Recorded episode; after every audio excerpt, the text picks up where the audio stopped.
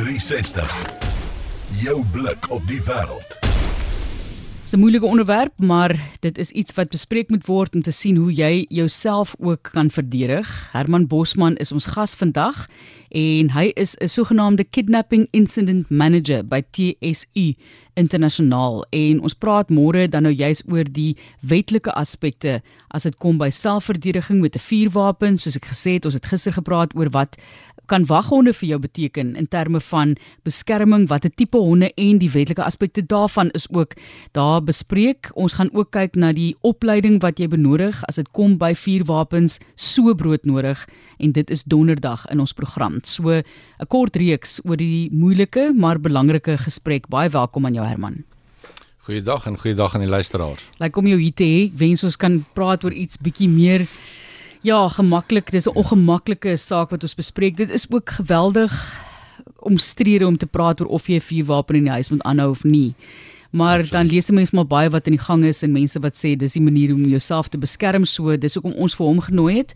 So ons praat dan nou oor vuurwapens ja, praat net met ons oor die konsep van 'n vuurwapen in terme van selfverdediging. Is dit 'n goeie idee hier hoor ons aan sekuriteitswagte wat aangeval word, hulle vuurwapens word afgeneem, hulle word self deur met met hulle eie vuurwapen doodgeskiet. Ja, so ek ek glo daar's definitief 'n plek vir 'n vuurwapen. Ehm um, maar ek sou dit eh, 'n uh, trekkie wil terugneem. En ek sal graag wil begin by die konsep van selfverdediging. Jy weet, waar begin dit? Hoe hoe benader ons selfverdediging voordat jy by die gebruik van 'n vuurwapen sou uitkom? Goed, nou maar asseblief neem ons daardeur, daai stappie terug dan nou ook die feit dat 'n mens moet bewus wees van selfverdediging. Ek dink eh, die fisiese klasse help ook altyd, maar soos wat ek ook gister genoem het toe ons gepraat het oor waghonde, in daai oomblik gebeur daar so baie dinge met jou liggaam in terme van adrenalien en hoe jy reageer. Mens moet dit seker ook maar aanneem. Absoluut. Jy weet, ehm um, as 'n mens nie gereed is vir dit wat na jou toe kom nie, is dit baie moeilik om dit te hanteer. As jy dit nie vooraf bedink het of beplan het en uh, jy weet jy herroep jy op jou geheue nie. Vir my is dit belangrik altyd om te om te sê vir persone wat ons oplei, wees bewus van jou algemene omgewing waarin jy funksioneer en dan ook spesifiek vir situasies wat binne in daai omgewing en binne daai konteks kan plaasvind. Weet dit help nie om 'n wapen of 'n vuurwapen te hê, maar jy is nie bewus van die gevare om jou nie. Net soos wat dit ook nie help om bewus te wees van die gevare om jou, maar jy weet nie hoe om daai situasie dan nou te hanteer wanneer jy bedreig word nie. So dit moet 'n baie goeie balans wees van ek is bewus van my omgewing. Ek verstaan hierdie tipe situasie want ek het dit al deurgedink. Ek het bepaalde opleiding gehad in in daai aan die hantering van byvoorbeeld 'n aanval, hantering van 'n vuurwapen of ander wapen en dan binne daai konteks te kan handel. Sy jammer dit dat mense so moet dink en leef, maar hier is ons nou. Goed, uh, as jy nou 'n toerist is byvoorbeeld en jy besluit om Tafelberg te gaan klim. Ons hoor nou wat 'n gemors op Tafelberg plaasvind, hoe hoe swaar dit gaan daar so in terme van misdaad. Goed so, hoe benader ek bewustheid? Jy moet nou strategies wees daaroor. Daar's die ooglopende goed. Jy weet, hou jou oë oop, moenie in die nag alleen beweeg nie. Moenie jy weet jou vensters oop los terwyl jy in die aand stop by 'n stopstraat nie. Hoe dit ook al sê, maar gee vir ons asseblief jou professionele perspektief. Ons moet verstaan hoe dink die kriminele dader. Hierdie is sy werk Ehm um, hierdie is wat hy doen elke dag en dit is iets wat hy gewoonlik baie goed beplan ook en baie goed inoefen. So ons moet verstaan hoe dink hy. So eerstens wat hy doen is hy identifiseer vir homself 'n teiken. So hy kyk na wie is 'n makliker prooi en slagoffer en wie is 'n moeiliker een en natuurlik skakel hy die moeiliker uit en hy gaan meer vir die sagter teiken. So dit is eerstens moet ons daai persepsie van ons sal 'n maklike teiken wees, moet ons aanspreek en ek kan ook net nou daarna verwys hoe ons dit onder meer kan doen. Tweedens posisioneer hulle self of dit 'n bevoetslaande roete is by jou motor waar jy uit die winkel uitkom en na jou motor toe loop en hy en dan word vir jou gewag agter 'n ander voertuig of hulle het gewoonlik 'n paar wat saamwerk. So ons moet bewus wees eerstens van hulle doen identifisering van 'n slagoffer, dan doen hulle posisionering en dan voer hulle hulle daad uit. En in daai drie uh, fases moet ons dit kan voorkom deurdat ons van ons kant op moet bewus wees daarvan wie is om ons. Met ander woorde, jy help nie loop met jou selfoon in jou hand en jy loop en lees boodskappe onbewus van wat om jou aangaan en dan gryp iemand jou of hulle vat die foon nie. Ons moet die heeltyd gefokus wees waarmee ons op daai oomblik besig is. Veral ook as jy selfs in jou motor is, jy stop by 'n stop, stopstraat, kyk maar wat rondom jou aangaan, is daar bosse, is daar bome, daai tipe van ding. Hou jou hou jou speeltjies dop, kyk en kyk links, regs, in die middel en maak seker. As die bedreiging ver is, sal ek onmiddellik sê druk jou hoeter laat laat laat mense kan hoor weet dit skree en daar en hulle sal onmiddellik in 'n ander rigting beweeg. Moet dit net asseblief nooit doen wanneer 'n vuurwapen teen jou gerig word of as 'n onmiddellike bedreiging nie. Ja. Maar as dit nog aan die aan die gebeure is dat iemand na die voertuig toe beweeg, definitief maak 'n geraas.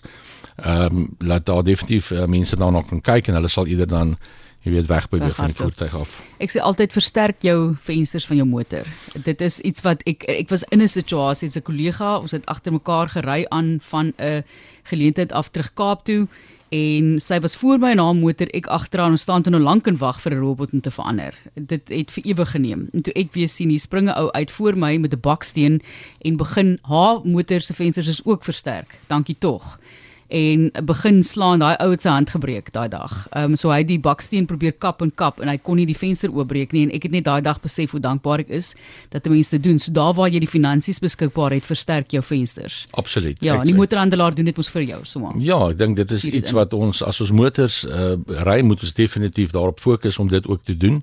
Ek dink ons lewe in 'n tyd en era waar ons regtig dit nie kan meer nie doen, wil ek amper sê nie. Goed, ons wil voorkom ook, ehm um, wat kan ons alles doen om die saak te ja, om te voorkom om in daai posisie te wees.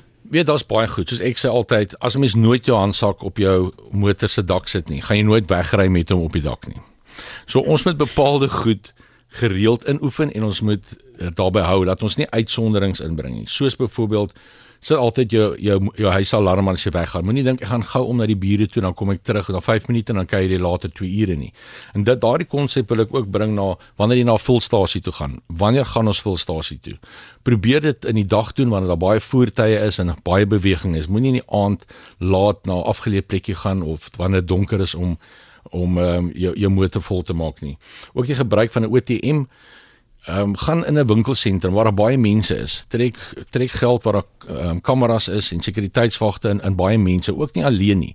So hierdie hierdie OTM masjiene wat op 'n hoekie om 'n draadjie staan by 'n klein winkeltjie of 'n volstasie is die verkeerdste plek om te probeer geld trek.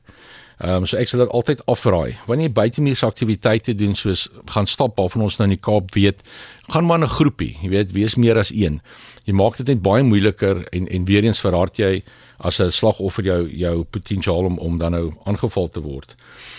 Jy weet, ek kyk ook in hierdie tyd waar mense nuwe vriende ontmoet. Ons ons is in die vakansieseisoen en jy ontmoet hierdie nuwe mansvriend of of damesvriend. Dit maak nie saak nie en jy het nog nooit hierdie persoon voorheen geken en word genooi na 'n plek toe. Wees bitter bitter versigtig. Eerste ontmoetings altyd in openbare ehm um, um, plekke, ehm um, koffie of of ander tipe restaurante of winkels, maar nooit 'n eerste ontmoeting of 'n tweede ontmoeting as jy nie baie goed weet wie dit is nie. Ehm um, kinders en toesig op strande byvoorbeeld ook. Hierdie is ook 'n tyd waar hoeveel kinders wegraak. Hou altyd jou kinders voor jou en maak seker jy kan hulle sien. Trek vir hulle as dit moontlik is, ehm um, 'n hempie aan wat geel of 'n tipe van 'n groen of 'n neon is wat uitstaan, nie 'n algemene kleur wat wat 'n mens moeilik optel nie. Ehm um, so er, wenke rondom kinders, groepies, groepies, groepies, nie een een een nie. Dit is vir my van kardinale belang. En leer jou kinders.